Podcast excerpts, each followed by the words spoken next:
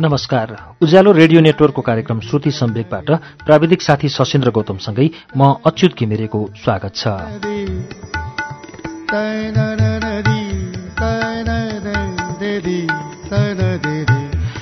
श्रुति सम्वेकमा हामी गएको दुई सातादेखि हरिवंश आचार्यको आत्मकथा चिना हराएको मान्छे सुनिरहेका छौं।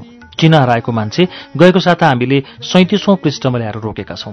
सैतिसौं पृष्ठसम्म आइपुग्दा हरिवंश आचार्यले कुकुरको नक्कल गरेर त्यस्तै आवाज कसरी निकाल्न सक्नुहुन्छ भन्नेसम्मको कुरा बताइसक्नुभयो। अब के हुन्छ? हरिवंश आचार्यको चिना हराएको मान्छेको तेस्रो श्रृङ्खला आज सुनौ पृष्ठ अडतिसबाट।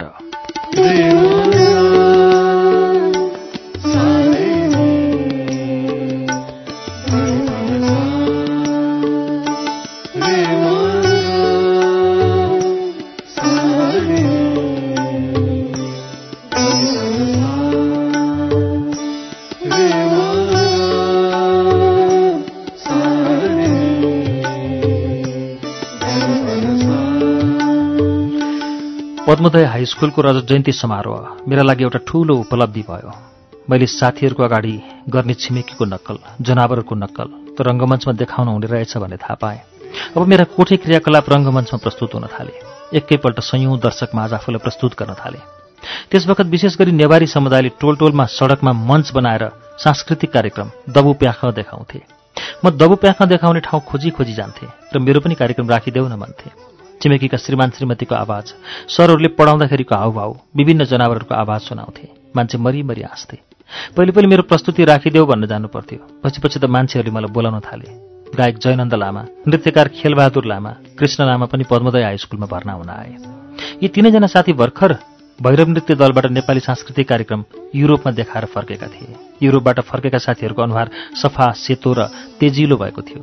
मैले उनीहरूसँग सङ्गत बढाएँ। मलाई पनि तिमीहरूको संस्थामा नाच्न राखिदेऊ न भने। उनीहरूले मलाई नृत्यकार भैरबहादुर थापासँग भेटाइदिए र यो मान्छेले हँसाउन जानेको छ भने।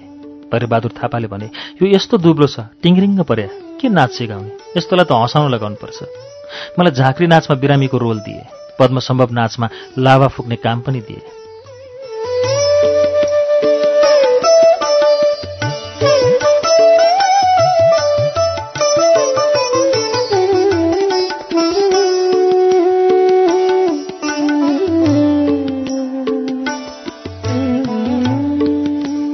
हामी जनकपुर धर्मशालामा करिब एक महिना बस्यौँ।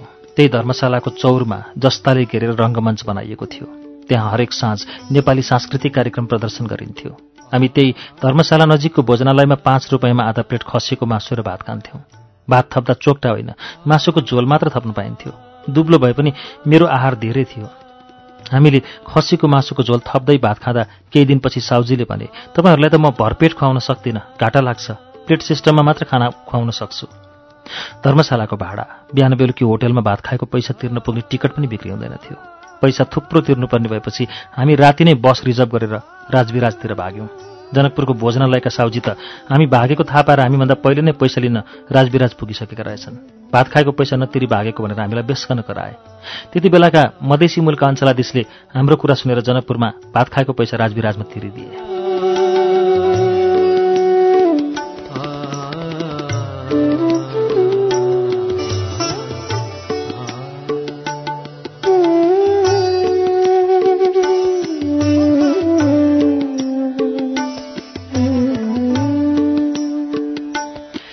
भैरबहादुर थापा नेपाली नृत्यमा समर्पित अतुलनीय व्यक्ति हुन्।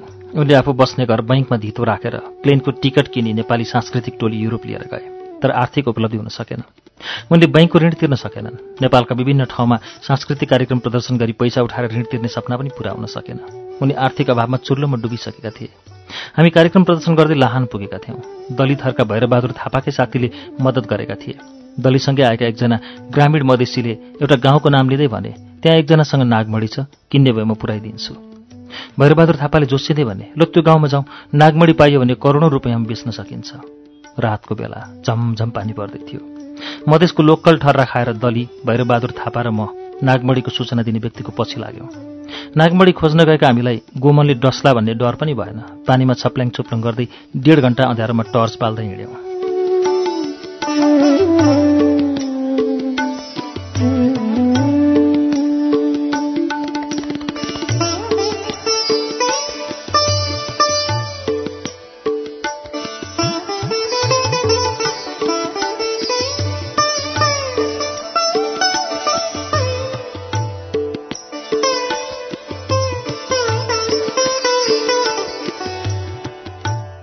भैरबहादुर थापा भन्दै थिए ल अब हाम्रा दुःखका दिन गए जस्तो छ। जसरी भए पनि नागमणी फुस्काउनुपर्छ र करोडमा बेच्नुपर्छ।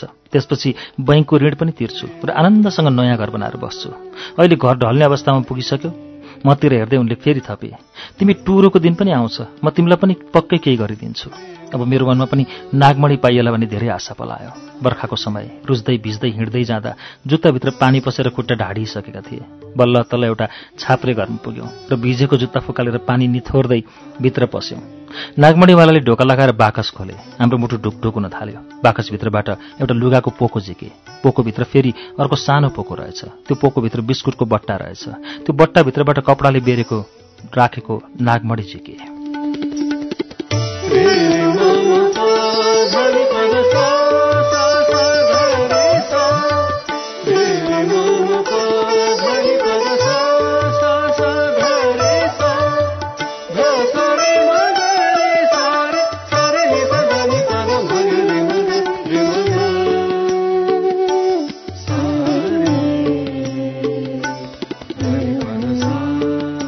मैले नागमणी अँध्यारोमा पनि एकदम टल्किन्छ भन्ने सुनेको थिएँ। तर त्यो हेर्दा निलो निलो मात्र देखिन्थ्यो।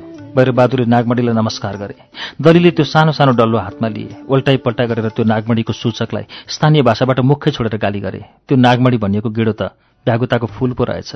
कहाँ नागमणी कहाँ भ्यागुताको फूल? करोडौँमा नागमणी बेचेर बैङ्कको ऋण तिर्ने नयाँ घर बनाउने मेरो पनि भविष्य बनाइदिने भैरबहादुरको सपना भ्यागुताको फूल भयो। हामी फेरि त्यही अँध्यारो बाटोबाटै लुरु लुरु फर्कियौँ। कसैको मुखबाट एक शब्द पनि निस्केन। जुन जोस जाँदाखेरि थियो। भ्यागुताको फूलले त्यो सबै खत्तम पारिदियो। आर्थिक हिसाबले भ्यागुताको फूल मात्रै दुई महिने कला यात्रामा हात परे पनि रङ्गमञ्चको प्रशस्त अनुभव प्राप्त गरेँ मैले।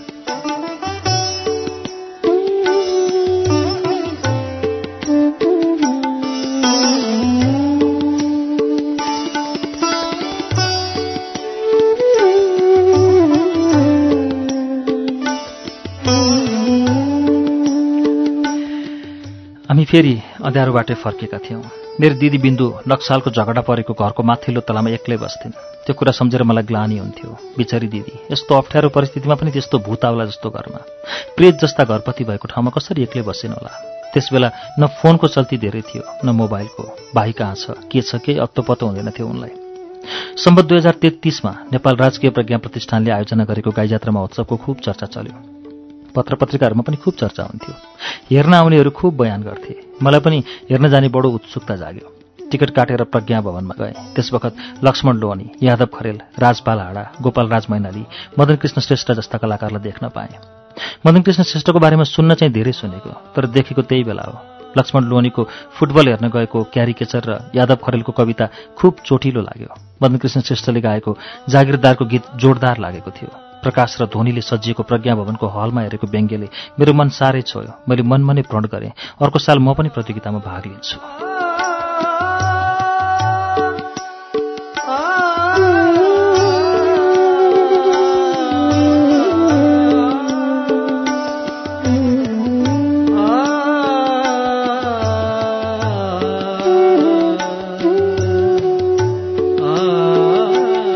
मेरो घरको अवस्थाले गर्दा मलाई कतै जागिर नखाइ नहुने भएको थियो। दिदी बिन्दु एसएलसी पास गरेर स्कुलमा पढाउँदै थिइन्। मैले पनि एसएलसी दिएको थिएँ। तत्कालीन राजाका सम्वाद सचिव चिरन शमशेर थापा थिए। उनको घरमा बिहान सयौँ मान्छे आउँथे। संस्थानका जिएम मन्त्री सचिव पत्रकारहरू। पञ्चायती व्यवस्था भएको हुनाले देशमा सम्पूर्ण काम दरबारबाट हुन्थ्यो। दरबारका सचिवहरू त्यसबेला निकै शक्तिशाली थिए। हामी चिरन शमशेर थापाका गुरु खलक भएकाले उनका बुबा आमा मलाई धेरै माया गर्थे। मेरी दिदी जानुदेवीले मलाई कतै जागिर मिलाइदिन। चिरन शमशेरका बाबा मलाई भनेकी थिइन्। चिरन शमशेरले मलाई एसएलसी पास गर्नु र टाइप सिक्नु भनेका थिए। म टाइप सिक्न नक्साल भगवती बहालमा भर्ना भएँ। उदित नारायण झा पनि म जस्तै टाइप सिक्न त्यहाँ भर्ना भएका रहेछन्। त्यसवखत उनीसँग मेरो चिना पर्ची थिएन तर चार दिन टाइप गरेर झर्को लागेकोले मैले छोडिदिएँ। पद्मोदय हाई स्कुलका वरिष्ठ शिक्षक लक्ष्मीप्रसाद अधिकारीसँग मेरो राम्रो सम्बन्ध थियो। उनी बानेश्वरमा रत्नराज्य स्कुलको हेडमास्टर भएर गएका थिए। एक दिन मलाई बाटामा भेटेर सोधे ए त जागिर खान्छस्? मैले भने खान्छु। मलाई रत्नराज्य स्कुलमा मुखियाको जागिर लगाइदिए। मेरो जीवनको पहिलो जागिर म त्यहाँ फिस बुझ्ने काम गर्थेँ।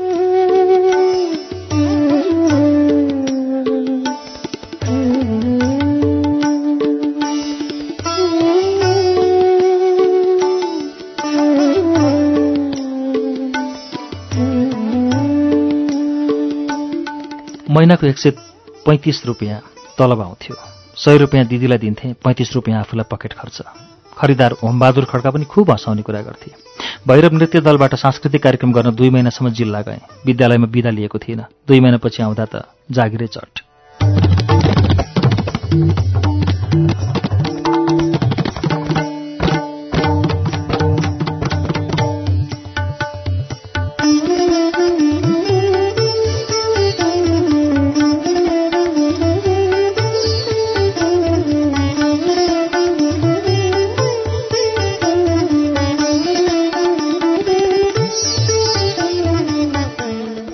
अहिले पनि एसएलसीलाई फलामे ढोका भनिन्छ त्यतिखेर म जस्ता मध्यम वर्गका मान्छेको उद्देश्य एसएलसी पास गर्ने नाइट अथवा मर्निङ कलेज पढ्ने अनि एउटा खरिदारको जागिर खाने हुन्थ्यो।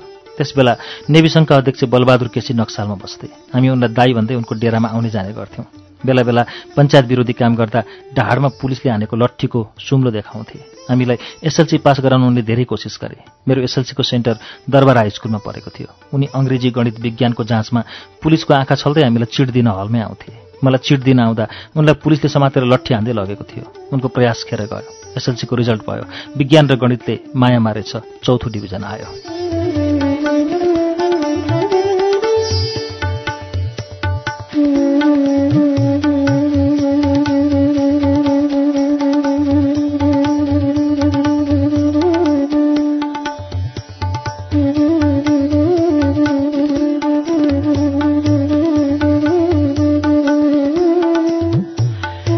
एसएलसी अनुतीर्ण भएपछि उत्साह पनि जाँदो रहेछ। सबै साथीहरू कलेज जान थाले। आफू चाहिँ कहाँ जाने दिनभरि?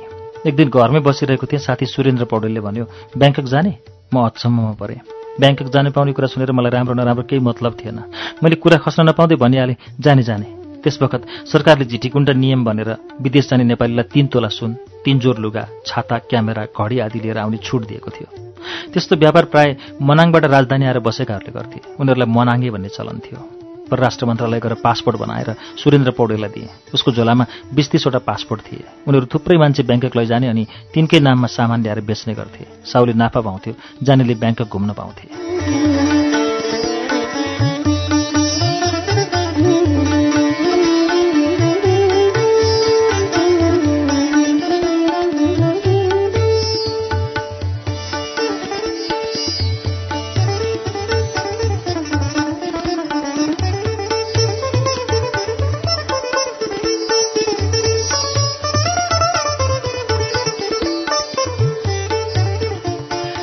शाही नेपाल वायुसेवा निगमको जेट प्लेन हामी जस्तै केटाहरूले भरिएको थियो। तीमध्ये एउटा त मै थिएँ। जेटमा बसेका केटाहरूले प्लेनले हवाई मैदान छोडेर उड्न साथै ताली बजाए गडगडी। मैले किन ताली पिटेको भनेर सोधेँ। एउटाले भन्यो जिन्दगीमा जेट चढ्न पाइयो भनेर। त्यसपछि मैले पनि मनमनै ताली पिटेँ। मैले पनि जेट चढ्ने मौका पाएको थिएँ। उडिरहेको प्लेनको जालबाट हेर्न थाल्यौँ कोही तल देखाएर इन्डिया इन्डिया भन्थे। कसैले चिन चिन भन्थे। कोही कोही त तल देखाएर यो त अमेरिका हो पनि भन्थे। म अलिअलि मात्र बुझ्दै थिएँ हामी भारत बङ्गलादेश बर्मा हुँदै थाइल्यान्डको आकाशमा छिर्दैछौँ। धेरैले जेटको टोयलेटमा चुक्को लगाउन पनि जानेका थिएनन्। एउटा कम्बर्डमा बसेको हुन्थ्यो। अर्कोले ढोका खोल्थ्यो अनि सहरी भन्थ्यो। आरएनएसीको जहाजमा धुमपान गर्न पनि छुट थियो त्यस बखत मध्यपान त झन् एयर होस्टेस आफैले खुवाउँथिन् नै। कसैले हुस्की खाए कसैले बियर कसैले वाइन। मैले पनि बियर खाएँ। हाम्रो साउ सोना मनाङ्गे लवजमा भन्थ्यो ए धेरै राक्सी नखाऊ। ब्याङ्ककको एयरपोर्टमा गाह्रो पार्छ।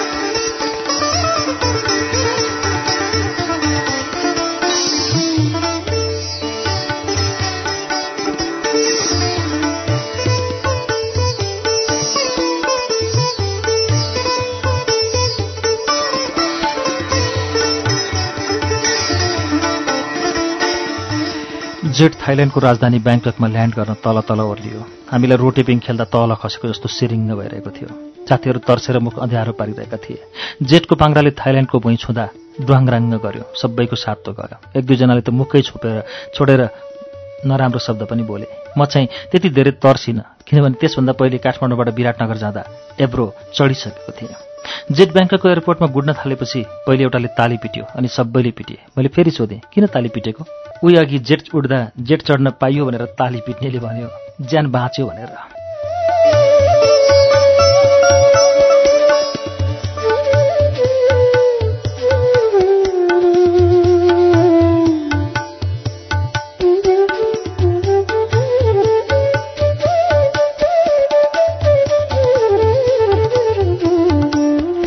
हाम्रो मनाङ्गे साउले सबैलाई पासपोर्ट दिँदै भन्यो सबै एकै लाइनमा लाम बस्ने। बाहिर निस्केपछि सबै एकै ठाउँमा उभियौ आफू खुसी नहिँड अनि सुरेन्द्र पौडेलतिर फर्केर भन्यो ए पौडेल तिमीले भन सबैलाई सुरेन्द्रले म लगायत सबै साथीहरूलाई लाइन बस्ने कतै नजाने अनुशासनका कुराहरू सिकायो। सात दिन थाइल्यान्ड बस्यौँ। ब्याङ्ककको सडकमा मोटरसाइकल त झिङ्गाभन्दा धेरै। साइलेन्सर पाइप झिकेको मोटरसाइकल कोलाहल मचाउँदै गुड्थे सडकमा। कति व्यस्त जीवन त्यहाँको। सानो सय सिसीको मोटरसाइकलमा मारेको बङ्गुर पछाडिपट्टि सिटमा बाँधेर बेतोडले कुदाउँथे। लोग्ने मान्छेभन्दा स्वास्नी मान्छे बेफुर्सदिला थिए। कोही खाना बेच्ने कोही सामान बेच्ने कोही शरीर बेच्ने। हामी बसेको होटलमा पनि केटीहरू स्याउस्याउती थिए। कतिलाई त लोग्नेले नै मोटरसाइकलमा ल्याएर त्यहाँ छोडेर जान्थे पैसा कमाउन। मैले पनि निर्वस्त्र आइमै पहिलोपल्ट त्यहीँ देखेँ।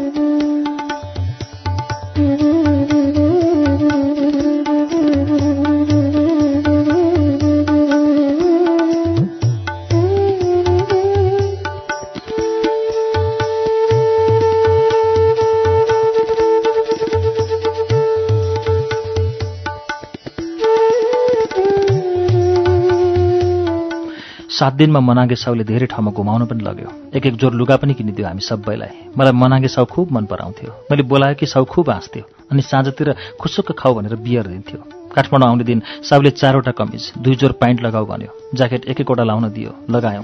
अर्को एक एकवटा ज्याकेट पनि हातमा लिऊ भन्यो। सबैले हातमा एक एकवटा ज्याकेट बोक्यौँ। ब्याङ्ककको गर्मीमा चारवटा कमिज ज्याकेट डबल प्यान्ट लगाएर फेरि अर्को एउटा ज्याकेट हातमा लिँदा हामी उसिनेको आलु जस्तै भएका थियौँ। ब्याङ्कक एयरपोर्टमा आएपछि सबैको जिउमा तीन तोला सुनका सिक्री र औँठी लगाइदियो। मैले जिन्दगीमा सुनको सिक्री बेरुवा औँठी पहिलोचोटि लगाएँ। गज्जबको सिको फाइभ घडी पनि लगाइदियो। दुई चारवटी केटी पनि थिए ब्याङ्कक जानेमा। उनीहरूले पनि एकैजनाले पाँचवटा जापानी साडी लगाउन पाए। साउले हामीलाई काठमाडौँमै भनेको थियो तिमीहरू घाडी सुन केही पनि नलगाइ आऊ। हामीले बल्ल थाहा पायौँ उसका घडी सुन लगाएर आउनलाई त्यसो भनेको रहेछ। हाम्रो टाउकोमा एक एकवटा रेबन्ड गग पनि राखिदियो। एयरपोर्टमा अरू देशका मान्छेहरू हाम्रो लुबाई देखेर छक्क परेर हेर्थे।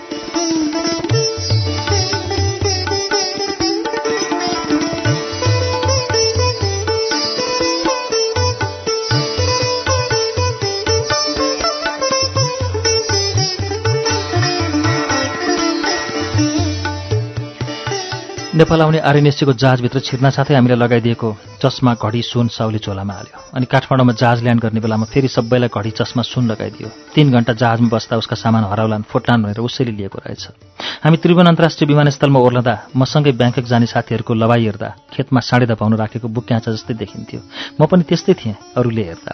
त्रिभुवन विमानस्थलमा एक एकवटा प्लास्टिकको झोला पनि दियो। हामी सबैलाई त्यसमा एक एक कार्टुन पाँच सय पचपन्न चुरोट र एक एकवटा रेड लेभल हुस्की थिए। हामी र हाम्रो नाममा ल्याइएका सामान विमानस्थलबाट मिनी बसमा राखेर सिधै ठमेलको एउटा घरमा लिएर गयो। हामीले लगाएका चारवटा कमिजमा तीनवटा र दुईवटा प्यान्टमा एउटा फुकाल्न लगायो। ज्याकेट भने दुइटै लियो। सुन चस्मा घडी त मिनी बसभित्र पस्ना साथै लिएर झोलामा हालिसकेको थियो। त्यस वखत भारतमा सुन र विदेशी लुगा आयात गर्न प्रतिबन्ध थियो। भारतीयहरू विदेशी सामान र सुन किन्न नेपाल आउँथे। त्यसबाट हङकङ ब्याङ्ककका व्यापारीहरूलाई सबै राम्रै फाइदा हुन्थ्यो।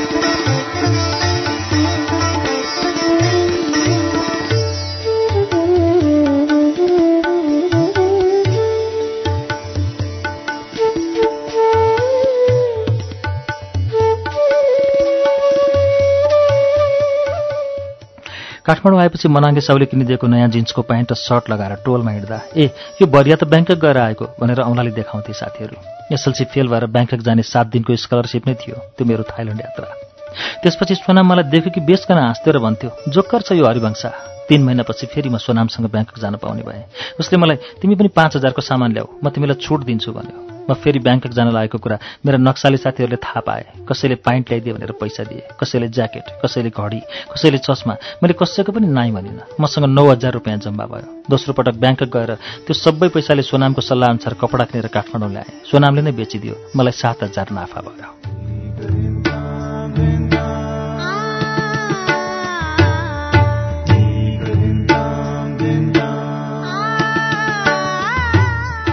श्रुति सम्वेकमा अहिले तपाईँले सुनिरहनु भएको वाचन हरिवंश आचार्यको चिना हराएको मान्छेको वाचन हो। यसको बाँकी अंश लिएर केही बेरमा आउनेछौ।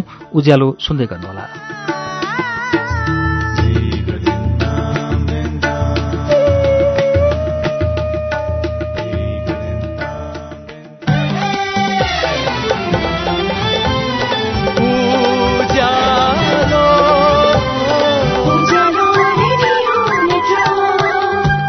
सीधा कुरा प्रश्न विचार। Ujyaalo radio network.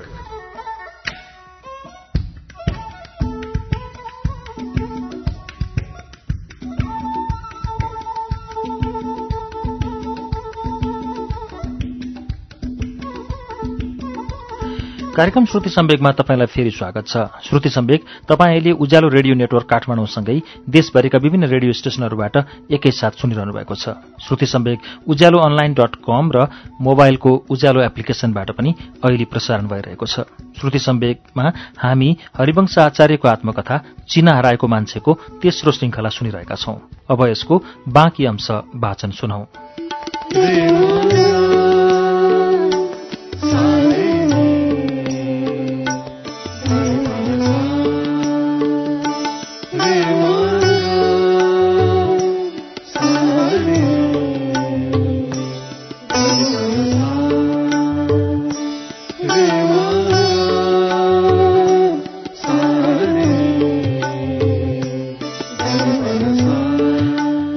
पढ्न अलि लद्दु लद्दुहरूले तराईमा गएर मजाले चोरेर अझ आफ्नो जाँचैहरूलाई लेख्न लगाएर पास भएर आएको थाहा थियो।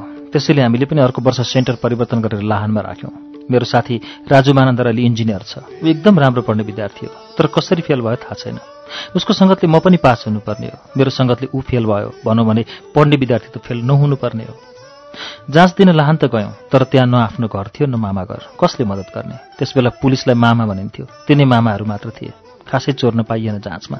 बरु हामी काठमाडौँबाट सँगै गएका राजु मानन्दर पेकिङ केसी श्याम श्रेष्ठ कमल पाण्डे र मेरो झण्डै श्राद्ध गर्नु परेको शनिबारको दिन माघे झरी परेर थामिएको थियो। जाडोले गर्दा मधेस भए पनि लुगा धेरै लगाउनु पर्थ्यो। दिनभरि बस्दा दिक्क लागेर यसो बस्तीपुर गाउँतिर घुम्न जाने सल्लाह भयो। एक घन्टा हिँडेपछि हामी बस्तीपुर पुग्यौँ। सिमसिम पानी पर्न थाल्यो। हामी लाहानतिरै फर्कन खेतै खेत आउँदै थियौँ। एउटी तरुनी दाउराको भारी टाउकोमा राखेर हामीतिरै आउँदै थिइन्। सँगै गएको एकजना साथीले उनको बक्षस्थल समातिदिएछ। उनले आफ्नै भाषामा औँला ठड्याउँदै गाली गरिन्। राजु र म भाग्यौँ। साथीहरूले एउटा बाहुन अर्को नेवार डराएर भागे भनेर गिज्जाए हामी रोक्यौँ। खेतमा रहरका बोटहरू बाक्लै थिए। पर रहरको बोटबाट लुक्दै लुक्दै हातमा लट्ठी लिएर सयौँ मान्छेहरू हामीतिर आइरहेको देखेँ मैले। ए हामीलाई त गाउँले घेर्न लागे हेर त टाउका र लट्ठी देखिस् भने? बाहुन र नेवार मात्र होइन हामी सबै भाग्यौँ। हामी भागेपछि गाउँलेहरूले चोर चोर भन्दै कराउँदै लखेट्न थाले। चोर भनेर कराएपछि अर्को गाउँबाट पनि लट्ठी बोक्दै हामीतिर आएको देख्यौँ। हामी भाग्दा भाग्दै अघि एक घन्टा हिँडेर गएको गाउँबाट बिस पच्चिस मिनटमै लाहान नजिक आइपुग्यौँ।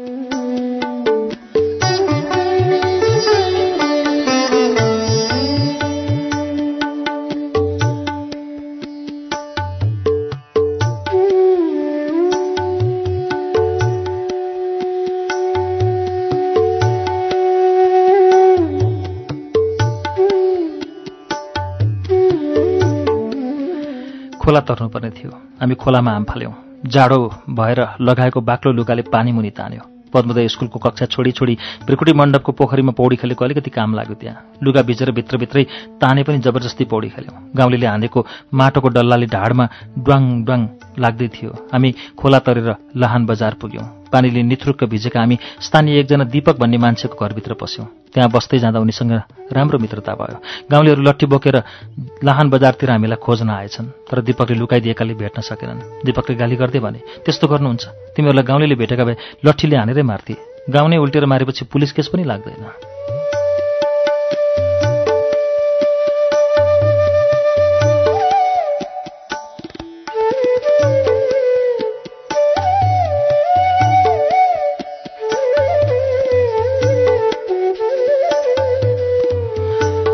हामी चिसो लुगा र डरले काँप्दै साँझसम्म त्यहीँ लुकेर बस्यौँ र राति मात्र डेरामा गयौँ। भोलिपल्ट प्रश्नपत्र हेर्नुभन्दा पनि हिजोका गाउँलेहरू विद्यालयमै हामीलाई खोज्दै आए कि भनेर ढोकामा हेर्दै थियौँ।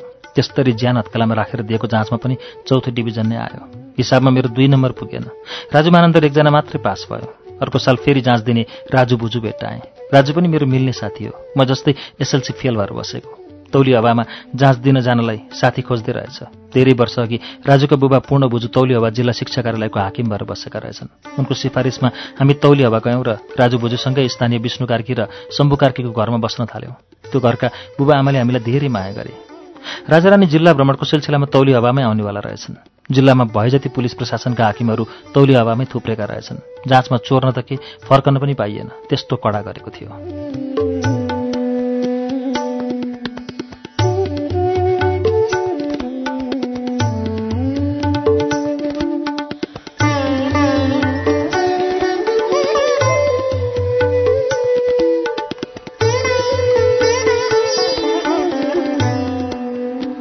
जाँच सकेपछि हामी राजु म र अरू दुई तिनजना तौली हवाबाट भारतको सोरतगढ हुँदै गोरखपुर पुग्ने र भैरवा छिरेर काठमाडौँ फर्कन हिँड्यौँ। हामीसँग भारत भ्रमणको त्यस्तो ठुलो अनुभव थिएन। सुरतगढको रेल स्टेसन बाहिर एकजना नेपालीले तपाईँहरू गोरखपुर जाने हो? भनी सोध्यो। हामीले हो भन्यौँ। आउनुहोस् आउनुहोस् भनेर रेल स्टेसनभित्र लगेर त्यो मान्छे गायब भयो। एकछिनपछि एकजना रेलको पुलिस आएर तुम लोकका टिकट देखाओ भन्यो। हामीलाई रेल स्टेसनभित्र टिकट लिएर मात्रै पस्नुपर्छ भन्ने थाहा थिएन। त्यो नेपाली दलाल रहेछ। उसले हामी सोझा नेपालीहरूलाई मात्र नेपाली बोलेर सहयोग गरेको जस्तो गरी टिकट नकिनी रेलको स्टेसनभित्र छिराउँदो रहेछ र भारतीय पुलिसहरूले तर्साएर असुलेको पैसाको भाग पाउँदो रहेछ। हामीले त्यो रेल पुलिसलाई भन्यौँ रेल स्टेसनभित्र पस्दा टिकट काटेर मात्र पस्नुपर्छ भन्ने हामीलाई थाहा थिएन। एउटा नेपालीले हामीलाई भित्र ल्याइदियो हाम्रो केही दोष छैन।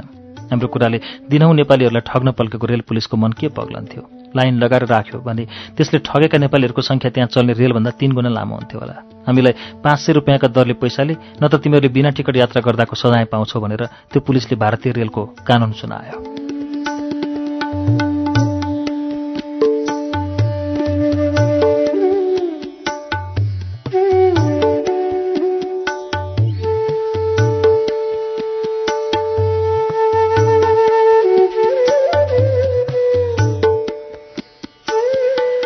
हामीसँग पाँच सय दिने हैसियत थिएन।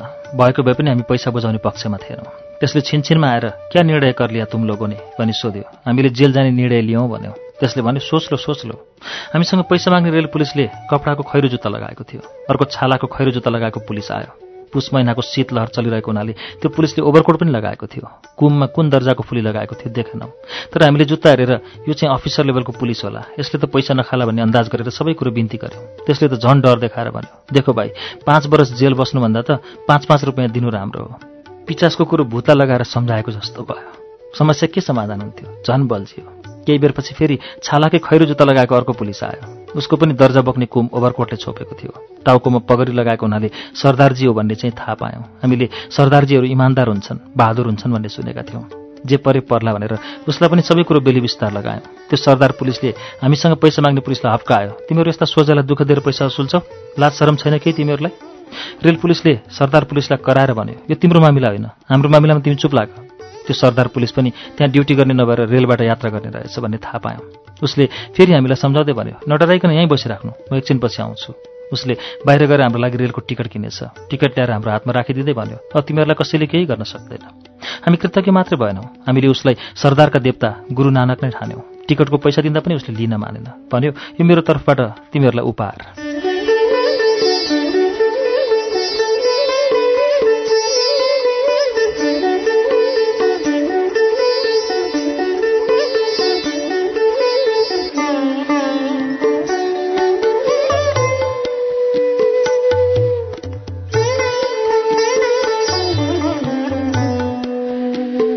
सरदार पुलिसले हामीलाई स्टेसनमै खानेकुरा किनेर खुवायो। केही बेरमै रेल पनि आयो। हामी बिदा हुन खोज्यौँ। सरदार पुलिसले म पनि जाने हो सँगै जाउँ भन्यो। हामी सँगै रेलभित्र छिर्यौँ। पैसा माग्ने रेल पुलिसले आँखा तरेर हेरिरह्यो। रेल गुडेपछि ढोकामा आएर रेल पुलिसलाई हातले लोप्पा खुवाउँदै आफ्नो कम्बर मुनि इस भनेर देखायौँ। रेलको गति बढिसकेको थियो। सरदार पुलिसले हामीलाई स्टेसनै पछि के के किनेर खुवाउँदै थियो? कहिले फलफुल कहिले जेरी कहिले समोसा। हामीलाई कता कता शङ्का पनि लाग्न थाल्यो। सरदार पुलिसले हामीलाई फसाउन लागेको त होइन। टिकटको पैसा पनि दिएन। फेरि कहिले के खुवाउँछ कहिले के? यत्रो पैसा खर्च गरिसक्यो। हाम्रो मनमा पाप पनि पलायो। केही सरदारजीहरूले त लोग्ने मान्छेको मलद्वारमा पनि सम्भोग गर्छन् रे। कतै यसले हामीलाई फकाएर सम्भोग गर्ने सुरु गरेको त होइन? नेपाली भाषाबाट बोल्यो भने सरदार पुलिसले बुझ्ला कि भन्ने शङ्का गरेर राजु बुझेर मैले नेवारीमा कुरा गऱ्यौँ। यसले हामीलाई फसाउन त खोजेको होइन? हामीलाई केही गर्न खोजेको त होइन? हामीले नेवारीमा कुरा गरेको सुनेर सरदार पुलिसले के भाषामा कुरा गरेको भने सोध्यो। हामीलाई झन् शङ्का लाग्यो। अनि हामी पनि यो सरदारले हामीलाई केही गर्ला सतर्क हुनुपर्छ है भन्न थाल्यौँ। त्यसपछि उसले खाना दिएको कुरा पनि पेट भरिएको छ भनेर खाना मानेनौँ।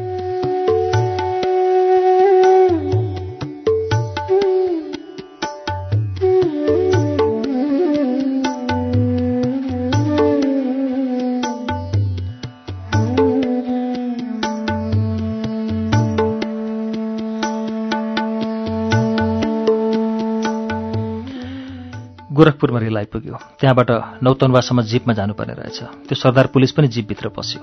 फेरि पनि भाडा उसैले तिर्दियो। अब त नेपालको सिमाना नजिक नजिक आउँदै थियो। केही पऱ्यो भने हामी पनि जाइ लागौँला भन्ने हिम्मत आयो। जिपबाट ओर्लेर भैरवा जान तिनवटा रिक्सा सरदार पुलिसले नै रोक्यो। हामी एउटा रिक्सामा दुईजनाको दरले बस्नु पर्यो। राजु बुजु फुत्त अर्को साथीसँग बस्न गयो। म सरदार पुलिससँग परेँ। अब म केही पर्यो कि रिक्साबाट हाम फालेर भाग्छु भन्ने सतर्क भएर बसेँ। सरदार पुलिसले मलाई राम्रोसँग बस। रिक्सा चढ्दा यस्तो डराउनु पर्दैन भन्यो। रिक्सा भैरवाको गेट पार गरेर नेपालभित्र छिर्यो। मैले नेपाल आमा कि? भने पछाडि रिक्सामा बस्ने साथीहरूले जय भनेर कराए। सरदार पुलिससँग अब त ठ्याक्कै डर लागेन। साल ट्रेडिङ अगाडि रिक्सा रोक्यो। सरदार पुलिसले मायालु भावले सम्झाउने शैलीमा भन्यो ल मेरो यहाँ साल ट्रेडिङमा काम छ तिमीहरू जाओ। इन्डिया जाँदा फटाहरू धेरै फेला पर्छन् सतर्क हुनुपर्छ।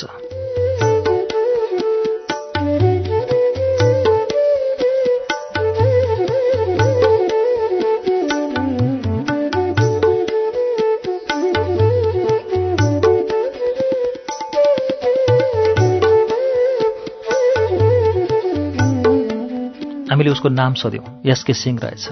भारतीय भनेका सबै नराम्रा हुँदा रहेनछन्। यस्ता देवता जस्ता पनि भारतीय हुँदो रहेछन् भन्ने थाहा भयो। बरु हामीलाई भारतको स्टेसनभित्र बिना टिकट छिराउने नेपाली दलालको अनुहार झलझली याद आइरह्यो। अनि हामीले सरदार पुलिसमाथि गरेको शङ्काप्रति थक थक लागिरह्यो।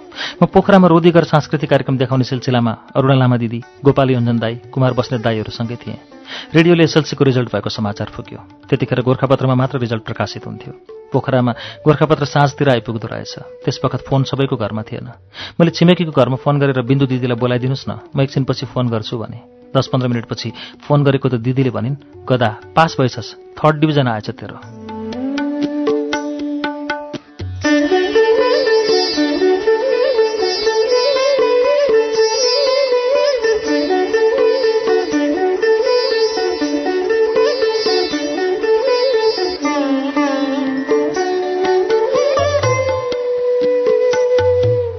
मलाई त पास हुनु भनेको थर्ड डिभिजन होइन बोर्ड फर्स्ट आए जस्तो भयो। खुसीले वाक वाक लागेर टोइलेटमै जानु पर्यो कुमार दाई गोपाल योन्जन दाई अरुणा लामा दिदी सबैले बधाई दिए। कहिलेकाहीँ रिजल्ट भएको भोलिपल्ट भुल सुधार भनेर गोर्खापत्रमा आउँछ। त्यसमा कोही पास भएका फेल हुन्छन् कोही फेल भएका पास पनि हुन्छन्। नक्सालका एकजना एकदमै पढैया मान्छे फेल भएछन् र त्यही दिन झुन्डिएर आत्महत्या पनि गरेछन्। तर भोलिपल्ट भुल सुधारमा प्रथम श्रेणीमा पास भनेर निकाल्यो। मेरो भने भोलिपल्ट भुल सुधारमा फेल भनेर निस्कने पो हो कि? भनेर खुब डर लागेको थियो तर निस्केन। म पास भएको भए भएँ। म सरस्वती कलेजमा कमर्स पढ्न भर्ना भएँ। हिसाब भनेको सधैँ पिसाब आउनेले कसरी कमर्स पढ्ने? पढ्नै सकिनँ रत्नराज्य कलेजमा आइए पढ्न फेरि भर्ना भएँ। गोपी मैनाली अहिले राष्ट्रिय योजना आयोगका सहसचिव छन्। उमेरमा मभन्दा उनी कान्छा छन्। मलाई पढाउन उनी धोबीधाराको मेरो डेरामै बसे तर सकेन। धन्य उनको भाग्य रहेछ। मेरो डेरामै प्राय बस्ने राजु बुजु राजाराम पौडेलको सङ्गतले उनी चाहिँ बिग्रेनन्। बुलबुल पब्लिकेशन। उपन्यास कथा गजल लगायतका विधाका गुणस्तरीय पुस्तकहरू प्रकाशनका लागि बुलबुल पब्लिकेशन। नयाँ लेखकहरूलाई विशेष प्राथमिकताका साथ Bulbul publication private limited Kathmandu. Phone number अन्ठानब्बे दुई तिस सैतिस तिन पाँच नौ। अन्ठानब्बे दुई तिस सैतिस तिन पाँच नौ। बुलबुल पब्लिकेशन बुलबुल पब्लिकेशन।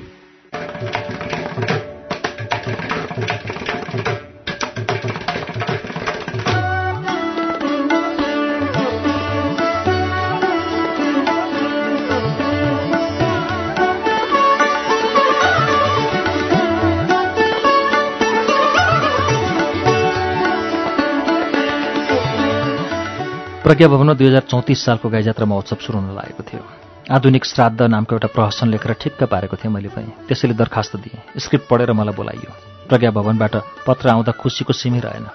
म प्राय प्रहसन लेखेर मेरो साथी राजु मानन्दरलाई सुनाउँथेँ। हुन त ऊ कुनै साहित्यकार होइन तर सुनाउँदा यो मिलेन यो मिलेन भन्न सक्ने गुण थियो उसमा। मैले प्रज्ञा भवनको पत्र उसलाई देखाएँ। हलवाई पसलमा गएर आलुदम लालमोहन भोज पनि खुवाएँ। प्रज्ञा भवनमा प्राज्ञ सदस्यहरूको अगाडि मेरो प्रहसन प्रस्तुत हुन गर्न लगाइयो।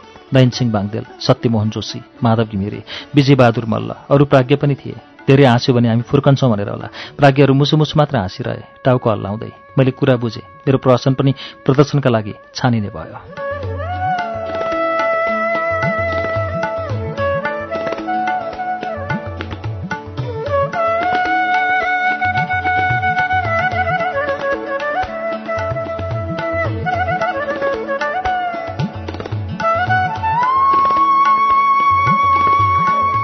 पछि अर्को पत्र आयो। तपाईँको प्रदर्शन आधुनिक श्राद्ध विशेष प्रदर्शनमा पर्यो भन्ने। विशेष प्रदर्शन भनेको राजपरिवारलाई देखाउने विशिष्ट प्रदर्शन हो।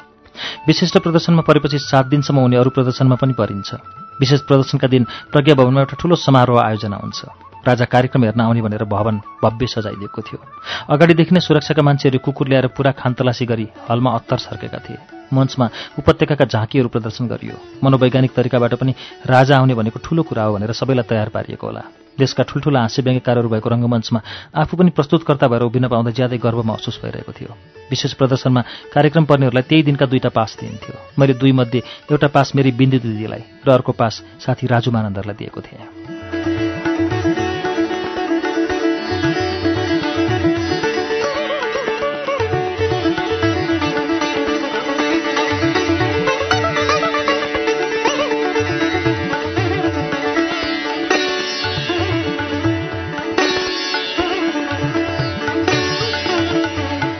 राजालाई देखाउने भनेपछि प्रायः सबै प्रस्तुतकर्ता अलि नर्भस जस्ता देखिन्थे। कुनामा गएर सबैजना आफ्नो पाठ बिर्सेला कि भनेर कण्ठ पारिरहेका थिए। म पनि अलिअलि नर्भस भएँ। आफ्नो प्रहसनै बिर्सेला कि जस्तो भयो। कञ्चिरीमा चिटचिट पसिना आउन थाल्यो। टोयलेट गएर पिसाब फेरेँ। तुरुक्क मात्र आयो। एकछिनपछि फेरि च्याप्छ। फेरि फेरि। फेरि तुरुक्क मात्रै आयो। वाक वाक आउला जस्तो पनि भयो। मैले मेरो कार्यक्रम राजालाई देखाउनेमा पर्यो। मलाई त डर लागिरहेको छ भनेर स्कुलको नेभी सङ्घका पूर्व अध्यक्ष मुकुन्दराज सिटौलालाई केही दिन अगाडि भनेको थिएँ। उनले ढाडस दिँदै उसको के को डर? त्यो राजा भने पनि हामी जस्तै मान्छे त भने उसले दिशा गर्दा चक्लेट गर्दैन। उसले पनि दाँत माझेन भने सास गनाउँछ। त्यो पनि बुढो हुन्छ। त्यो पनि चाउरी पर्छ भनेर मलाई सम्झाएका थिए। मैले त्यही कुरा सम्झेँ। हो त नि। राजा भने पनि हामी जस्तै मान्छे त भने के को डर भन्ने मनमा लाग्यो।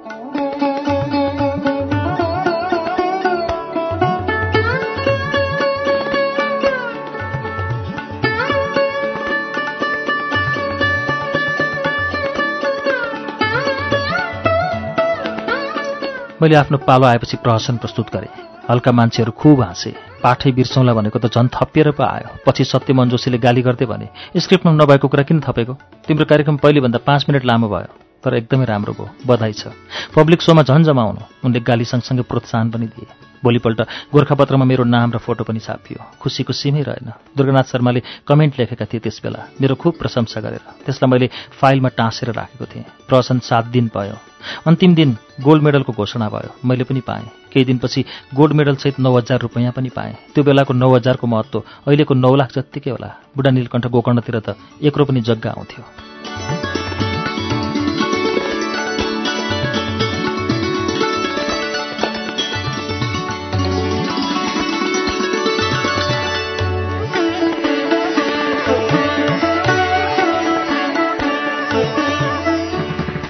त्यसपछि त हरेक वर्ष गाई जात्रा कि म भाग लिन्थेँ। मैले रेडियो भट्टी आजु जेहा पञ्चस कि बन्दैनस् भोक हडताल शीर्षकका प्रवचनहरू प्रस्तुत गरेँ।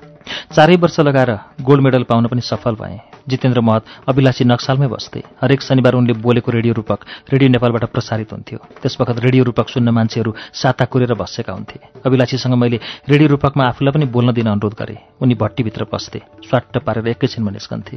म बाहिर कुरिरहन्थेँ। उनी मेरो हात च्याप्प समातेर हिँड्थे। फेरि अर्को भट्टीमा पस्थे। म कुरिरहन्थेँ।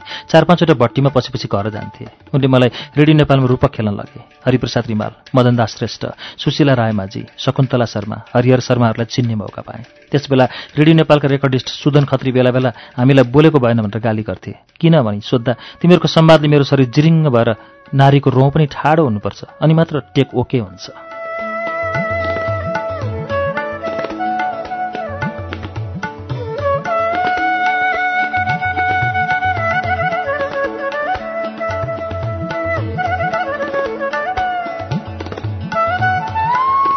हरिप्रसाद रिमाल जितेन्द्र महत अभिलाषीको सहयोगले दुई हजार पैँतिस सालमा नाचघरमा करार सेवामा नाटक गर्ने जागिर पाएको थिएँ। बालकृष्ण समले लेख्नुभएको नाटकमा अमर सिंहको भूमिका राम्रो साथी किरण केसीले पाएको थियो। मैले एउटा सिपाहीको सानो भूमिका पाएको थिएँ। त्यो नाटक हेर्न राजारानी पनि राष्ट्रिय नाचघर आएका थिए। राजारानीको आसन अगाडिपट्टिको विशेष सोफामा थियो। राजाका निजी सचिव नारायण प्रसाद श्रेष्ठ र नाचघरका महाप्रबन्धक इन्द्रप्रसाद काफले नजिकै बसेर नाटक हेर्थे। मेरो त एउटा सानो भूमिका मात्र थियो। गोली खाएर मर्ने शार्दुल नामको सिपाही। त्यसबेला नारायण प्रसाद श्रेष्ठले यो केटो राम्रो अभिनय गर्छ भनेका रहेछन् महाप्रबन्धकलाई। नाटक सकियो। महाप्रबन्धकले मलाई बोलाएर भने राजाका सचिवले तपाईँको तारिफ गर्नुभयो। तपाईँले राम्रो गर्नुभयो आज। सोधे तपाईँको मतलब महिनाको एक सय पचहत्तर होइन? मैले हो भने उनले अझै अगाडि भने ल अब अर्को महिनादेखि दुई सय पचहत्तर। अझै राम्रो गर्नुहोस्। मलाई साह्रै आनन्द आयो। एक त नाटकको प्रदर्शन सकिएपछि जागिर जान सक्थ्यो। त्यो बच्यो। अर्को पछिल्लो महिनादेखि सय रुपियाँ तलब बढ्यो। हुन त नाटकमा सानो भूमिका भए पनि गाह्रो रोल थियो। राजा आउँदा पो त हल सफा हुन्थ्यो गनाउँदैन थियो। पब्लिक सोमा त हल फोहोर हुन्थ्यो। पुरानो नाचघरको ढल राम्रो थिएन। असनदेखिको ढल आएर रङ्गमञ्च अगाडि जम्थ्यो। हलमा दर्शकभन्दा कैयौँ गुणा बढी लामखुट्टे हुन्थे।